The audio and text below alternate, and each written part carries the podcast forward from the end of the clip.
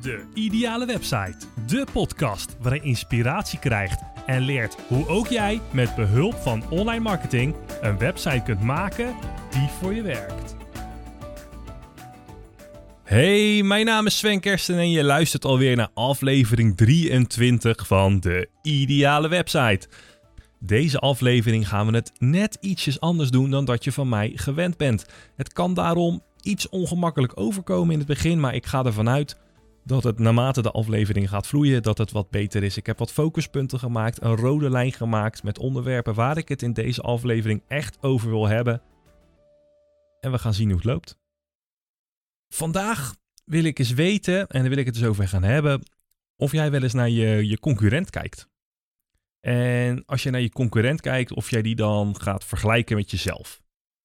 En meestal, als, de, als dit gebeurt, dan het kan ook zomaar zijn dat je zegt, nee, dat doe ik helemaal niet. Maar het kan ook best zijn dat je het gewoon heel erg onbewust doet. Dat je het gewoon helemaal niet door hebt. De, de, meestal, als ik bijvoorbeeld, ik ben er ook wel eens schuldig aan en je kijkt naar een concurrent, dan is het meer van, oké, ehm, het gaat op dit moment misschien niet zo goed als dat je zou willen. En dan val je in zo'n neerwaartse spiraal. Dat je denkt van, nee, ik heb geen inspiratie. Laat ik eens kijken wat de concurrent doet. En dan ga je daar naar kijken. En de grootste fout die je dan eigenlijk kan maken, is denken van, oh kijk, we doen het zo en zo. Weet je wat? Ik doe het ook op die manier en ga je het op die manier nadoen. Je, je kent het misschien wel. Je ziet een ander bedrijf, hè, jouw, jouw conculega, je concurrent, net hoe je het ziet, glas half vol, glas half leeg. En je ziet dat hij heel erg succesvol is. En die, die, die haalt de ene deal naar de andere binnen. Die heeft mooie klanten, die heeft mooie verhalen op social media. En dat, daar zie jij jezelf niet in. Jij hebt zoiets van, ja, maar waarom gebeurt dat bij mij dan niet? Nou, sowieso, hè, alles wat een ander op uh, social media zet, is altijd goed, is altijd prachtig. En maar zelden dat je in een bedrijf ziet staan van, oh goh, ik heb vandaag een blunder gemaakt, ik heb deze klant verloren, die klant heeft opgezegd. Ja, dat doe je niet.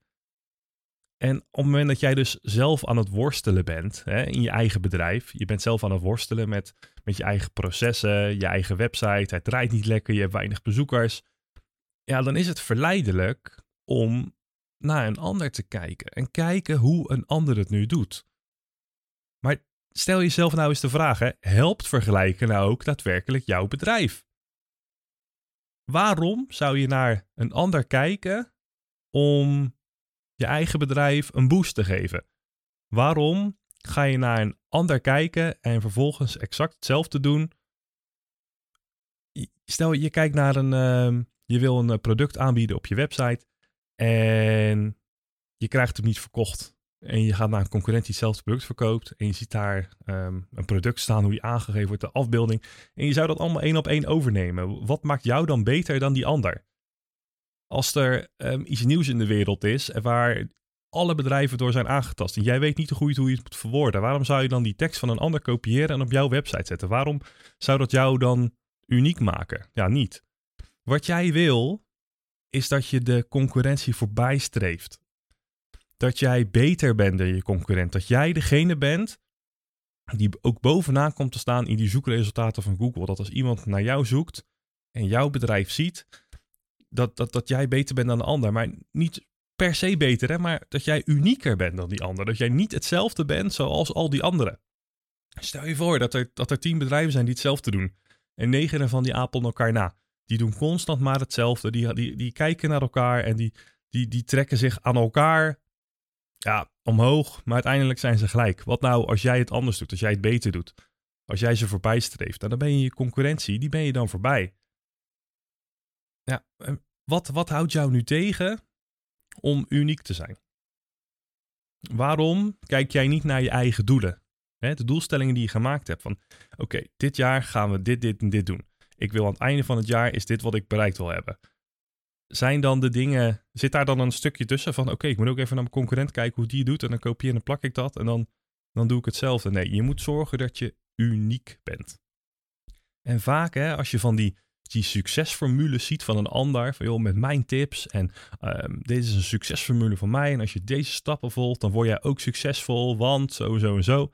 Nou, als je dat ziet, dan is dat niet per se een succesformule aan zich. Nee, dan is dat een ervaring van dat bedrijf met zijn klanten. En doordat hij die ervaring online deelt met zijn doelgroep, waar die die ervaring al mee hebt gehad, snap je hem nog? Dat, dat cirkeltje is dan rond.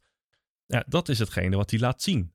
En jij kan daar natuurlijk van uh, profiteren. Als daar dingen bij zitten, kan je heus wel stukjes te uitplukken, maar doe het dan vervolgens ook wel op je eigen manier. En ga dat niet dan naapen, want op het moment dat je dat gaat naapen, dan zal je altijd op diezelfde lijn blijven als die van je concurrent. En misschien ben je daar gewoon ook helemaal content mee, hè? dat je denkt van joh, als ik het net zo goed doe als die, dan vind ik het ook goed. Maar ik, ik ben persoonlijk van mening dat jij, als jij iemand echt naaapt en iemand nadoet, je concurrentie na, namaakt eigenlijk, dat je nooit verder zal groeien dan dat je daadwerkelijk kan. Dat je, als je uniek bent, hè, denk bijvoorbeeld aan je, uh, je unieke waardepropositie van de aflevering hiervoor. Hou je daaraan vast en dat is hetgene wat jij bent, dat is hetgene wat jij doet. En wat een ander doet, dat maakt dan niet uit. Zorg dus ook dat je resoneert met je doelgroep. Hè, dat is wat ik net zei. Die succesformule van een ander, dat is, dat is een eigen ervaring van die ander. Die, die heeft die ervaring al gehad met zijn doelgroep en die deelt dat met zijn doelgroep en die voelen zich daardoor aangesproken. Je resoneert met je doelgroep. Nou, zorg dat jij ook je eigen ervaringen pakt, je eigen ervaringen maakt en uiteindelijk kan je dat delen met je doelgroep en zal je diezelfde klik hebben. Wat, wat vindt jouw doelgroep bijvoorbeeld leuk? Waar kan je jouw doelgroep vinden? Is dat, nou ja, ik wou zeggen in een café of in een bar? Nou, die gaan nu weer langzaam een beetje open. Is dat eh, buiten op straat? Is het in een speeltuin? Gaan ze vaak naar een, een dierentuin? Vinden ze het leuk om te reizen in Azië? Noem het maar op. Wat is de, de leeftijd? Nou, eigenlijk komt het erop neer. Dat is een goede. Heb jij al een klantprofiel gemaakt? Een klantprofiel van jouw doelgroep. De, het klantprofiel van jouw ideale klant. Jouw ideale klant. Die vraag die zal je misschien wel vaker gehad hebben. Nou, wanneer je een klantprofiel maakt, dan daar staat dus precies in uh, Oké, dit is uh, Jane Doe, weet je, als een algemeen uh, Amerikaans voorbeeld. Dit, dit, is natuurlijk een vrouw. Ze leeftijd van 24 tot 30 jaar. Ze is, is huisvrouw. En de man die, die verdient goed geld. En ze heeft twee kinderen, een kat en een hond. En ze vindt het leuk om te snowboarden. Ik noem maar wat. Nou, wanneer jij een goed klantprofiel hebt en jij weet dus, um, iedereen heeft namelijk een ideale klant en dat, dat volgt een bepaald patroon. Nou, wanneer je dat hebt ingevuld, dan weet je wat je doelgroep is. En daar kan je je dus vervolgens op gaan richten. Nou, daarnaast is het dus ook belangrijk dat je, je je eigen toon, dat die uniek is en ook echt daadwerkelijk, dat jij dat ook daadwerkelijk bent. Dus als jij op jouw website overal praat in de formele toon, hè, de, de je-vorm, ja, houd die informele toon dan ook vast. Je stuurt vast ook wel een, um, een nieuwsbrief naar je klant. Of je hebt social media posts waar je wat mee doet. Of andere manieren. Misschien heb je wel bericht in de krant of nou ja, noem het maar op. Zorg dat je consequent diezelfde toon houdt. Dat je je eigen, jouw eigen taal weer spiegelt. Hè? Dus niet dat als je een één keer een social media post doet waar je je, jij en jij en, uh, en, en, en ik, ik, ik, wij, wij, wij. En vervolgens ga je ineens een uh, e-mail sturen. Uh, goedemiddag, hoe maakt u het? En dat je het heel erg, nou, gewoon heel erg formeel houdt. Probeer die toon uh, ja, gelijk te houden, hè? Nou, goed. Kijken naar een ander, dat, dat helpt dus niet om, om jouw bedrijf te laten groeien. Je, je, je komt hooguit uit op hetzelfde level als een ander. En vergelijken ja, dat, dat is niet iets wat je, per, wat je per se succesvol maakt. Vergelijken, dat, dat kan je zelfs ja, terughouden. Het kan zelfs voorkomen dat jij verder kan groeien dan dat je daadwerkelijk kan. Zorg dus dat je uniek bent. Maar mijn mening is ook hè, dat er één ding is waar je daadwerkelijk wel, dat, het, dat ik vind dat het geoorloofd is om naar die concurrent te kijken. En dat heeft te maken met SEO. Nou, ik, ik hoop echt dat er bij jou nu belletjes gaan rinkelen. En dat je een, uh, een zo'n lekker gevoel in je lichaam krijgt als je het woord SEO hoort. Want echt, ik, dat is, het is echt mijn passie. Daar ben ik de afgelopen jaren wel achter gekomen. SEO, Search Engine Optimization, zoekmachinevriendelijkheid, optimalisatie. Ik vind het geweldig. Nou, daarom is het van belang dat je, met, uh, dat je wel een concurrentieanalyse uitvoert op je concurrent. Dus je, je analyseert je concurrent, maar het is niet per se dat je hem nadoet. En wat houdt het nou precies in? Stel, jij hebt een zoekwoordenonderzoek gedaan. En met dat zoekwoordenonderzoek uh, is een primair zoekwoord naar boven, naar boven gekomen waarmee jij echt wil gaan scoren. Dat, dat zoekwoord heeft zo gigantisch veel volume, maar de concurrentie op dat zoekvolume die is ook dan wel een klein beetje hoog. Nou, je gaat dan dus uh, het internet op, hè, Google. Nou, je gaat zoeken op dat zoekwoord en je ziet allemaal bedrijven staan. En vervolgens zie jij dat jij op de, weet ik veel, op de vijftiende plek staat. Hè, op de tweede pagina. Net een beetje jammer, want niet iedereen die klikt door naar die tweede pagina. En meestal is die eerste pagina ook wel hetgene uh, waar je naar zoekt. En verder hoef je niet te kijken. Nou, jij ziet jezelf op die vijftiende plek staan. Dat betekent dus dat er veertien mensen voor je staan. Ja, en dat is echt niet tof. Dus je gaat die 14 bedrijven die voor jou staan, die ga je eens bekijken. En dan ga je eens zien of daar dus daadwerkelijk een concurrent van jou tussen zit, een conculega. Nou, wanneer je die websites bekijkt, dan kan je daar ook een, ja, een, een SEO-audit, een SEO-check, een uh, eh, SEO-scan, hoe je het ook wil noemen. Je kan die website kan je gaan scannen en kijken, ja, maar waarom scoort die website nou beter dan die van ik? Is dat puur alleen om de snelheid, dat die website zo snel is. En daar komt natuurlijk nog veel meer bij kijken. Uh, maar dus zijn die afbeeldingen die die website gebruikt, zijn die lekker gecomprimeerd en klein qua bestandsgrootte, waardoor die website dus sneller laat. Hebben ze een, betere webhosting? Eh, voor WordPress raad ik altijd aan om een webhosting te gebruiken met uh, Lightspeed technologie. Nou, dat is ook hetgene wat ik aanbied aan mijn klanten op mijn eigen webservers. En die hele website, hoe is die opgebouwd?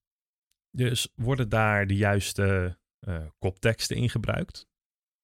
Denk dan dus aan de minimale eisen. Dus de, de, de kopteksten die jij op je website zet, dat de, de, de allereerste kop, dat is de H1-tag, weet je, de H1-titel. Ja, in die H1-titel is het van belang dat je daar dus je primaire zoekwoord in zet. Het liefst zo ver mogelijk vooraan. Maar de, de key is hier nog steeds wel in, zorg dat het natuurlijk leest. Dus als jij je zoekwoord helemaal vooraan zet, maar daardoor krijg je hele rare kromme zin, ja, dan mag die best wel op een tweede, derde, vierde plek komen. Dat maakt niet uit. Als die maar op een natuurlijke manier erin staat. En als het even kan, zoveel mogelijk vooraan. Want alles wat vooraan staat, dat is belangrijk. Maar staat er de, het, een voor, ja, dan ziet Google ook heus wel ja, dat dat dan niet van significant belang is. Nou, daarnaast is het natuurlijk ook belangrijk dat dat primaire zoekwoord wat jij hebt, dat dat in de, in de titel van je website staat. Nou, ben je dus naar je concurrent aan het kijken, dan heb je die check aan het doen en dan zou je, um, zou je eigenlijk moeten opschrijven in een Excel-bestandje bijvoorbeeld, of een, als je een of andere tool gebruikt, dan is het nog mooier, want dan kan je meerdere rapporten genereren en die vervolgens naast elkaar leggen en kijken, oké, waar zitten nou mijn verbeterpunten in? Hè? En als je dan die standaard bekijkt, dus um, de, titel, primaire zoekwoord, zit in de, in de metatitel van je pagina. Nou, de meta-omschrijving telt misschien niet altijd even mee, maar die omschrijving, dat is die omschrijving die altijd in Google ziet staan in de zoekresultaten. Dus je had zo'n titel, een URL, een omschrijving eronder. In die omschrijving, als daar dat zoekwoord ook in terugkomt, dan heeft iemand wel het gevoel van, hey, ik zoek hiernaar en ik zie die woorden staan, dus dat is wat ik zoek. Dat, zo werkt het, de, de psychologie hè, in je brein. En als je dan, nou, je hebt dus die, die metatitel, die omschrijving, die H1-tag. En zorg er dan ook voor dat minimaal in die eerste afbeelding die getoond wordt op die website, ehm, dat daar in die alt-tag, die vaak vergeten wordt, dat daar ook dat primaire zoekwoord staat. Nou, het kan zomaar zijn dat jouw concurrent dat allemaal al doet. En als die website dan ook nog eens binnen 1 à 2 seconden laat, ja, dan hebben ze een, het totale plaatje van SEO, die, van de, die van de technische kant, die hebben ze dan onder de knie. En wanneer jij dat niet hebt, dan is het logisch dat jij naar beneden zakt. Maar met name is het van belang dat als je dus hè, naar je concurrent kijkt en je doet het op basis van SEO, dat je dan dus kijkt, oké, wat is nou, wat maakt die website nou zo speciaal? Waarom scoort die nou beter? Ik ben, ik ben laatst ook, hè, en ik, uh, ja, misschien luistert hij, misschien luistert hij niet, maar ik ben voor een beveiligingsbedrijf bezig geweest. En die wilde heel graag scoren op beveiligingsbedrijf Amsterdam. Nou, wanneer je dat uh, wanneer je dat deed, dan kwamen natuurlijk alle bekende beveiligingsmaatschappijen, die kwamen allemaal naar boven. Nou, we hebben vervolgens uh, met, mijn, uh, met mijn, mijn copywriter, ander bedrijf, Renate, ik werk graag met samen. Die heeft een, zoekwoordenonderzoek gedaan en op basis daarvan zijn de pagina's herschreven. Nou, daarnaast heb ik nog wat. Ja, soms kan je het onethisch noemen, maar goed, het werkt. Ehm, pagina's aangemaakt, hè, een pagina speciaal, beveiligingsbedrijf Amsterdam. Nou, daar de tekst laten schrijven en zorgen dat het allemaal, uh, dat het de zoekwoorden bevat, maar wat het wel, dat is dus nog steeds wat ik zeg, wat key is bij Google, dat het goed en natuurlijk is geschreven. Dat de zinsopbouw klopt. Maar ook hè, dat, het, dat het wervend geschreven is. Dat, die, dat het leidt naar die call to action. En dat je uiteindelijk die pagina. En want iedere pagina die heeft een doel, zeg ik altijd. Want de website is niet voor jou, maar je website is voor je klant. En als die dus op die pagina komt, alle informatie krijgt die waarvan die, die, die wil weten. Nou, uiteindelijk wil jij die bezoeker leiden naar jouw call to action. En die call to action kan dan zijn dat iemand contact met je opneemt door te bellen, een formulier, een nieuwsbrief, maakt niet uit. Interactie zorgt dat hij met jou in contact komt, zodat jij die lead om kan zetten naar een klant. En als je dat dus allemaal op orde hebt, ja, dan heb je eigenlijk gewoon een kwalitatief goede website die voldoet aan, aan alle aspecten van, van SEO.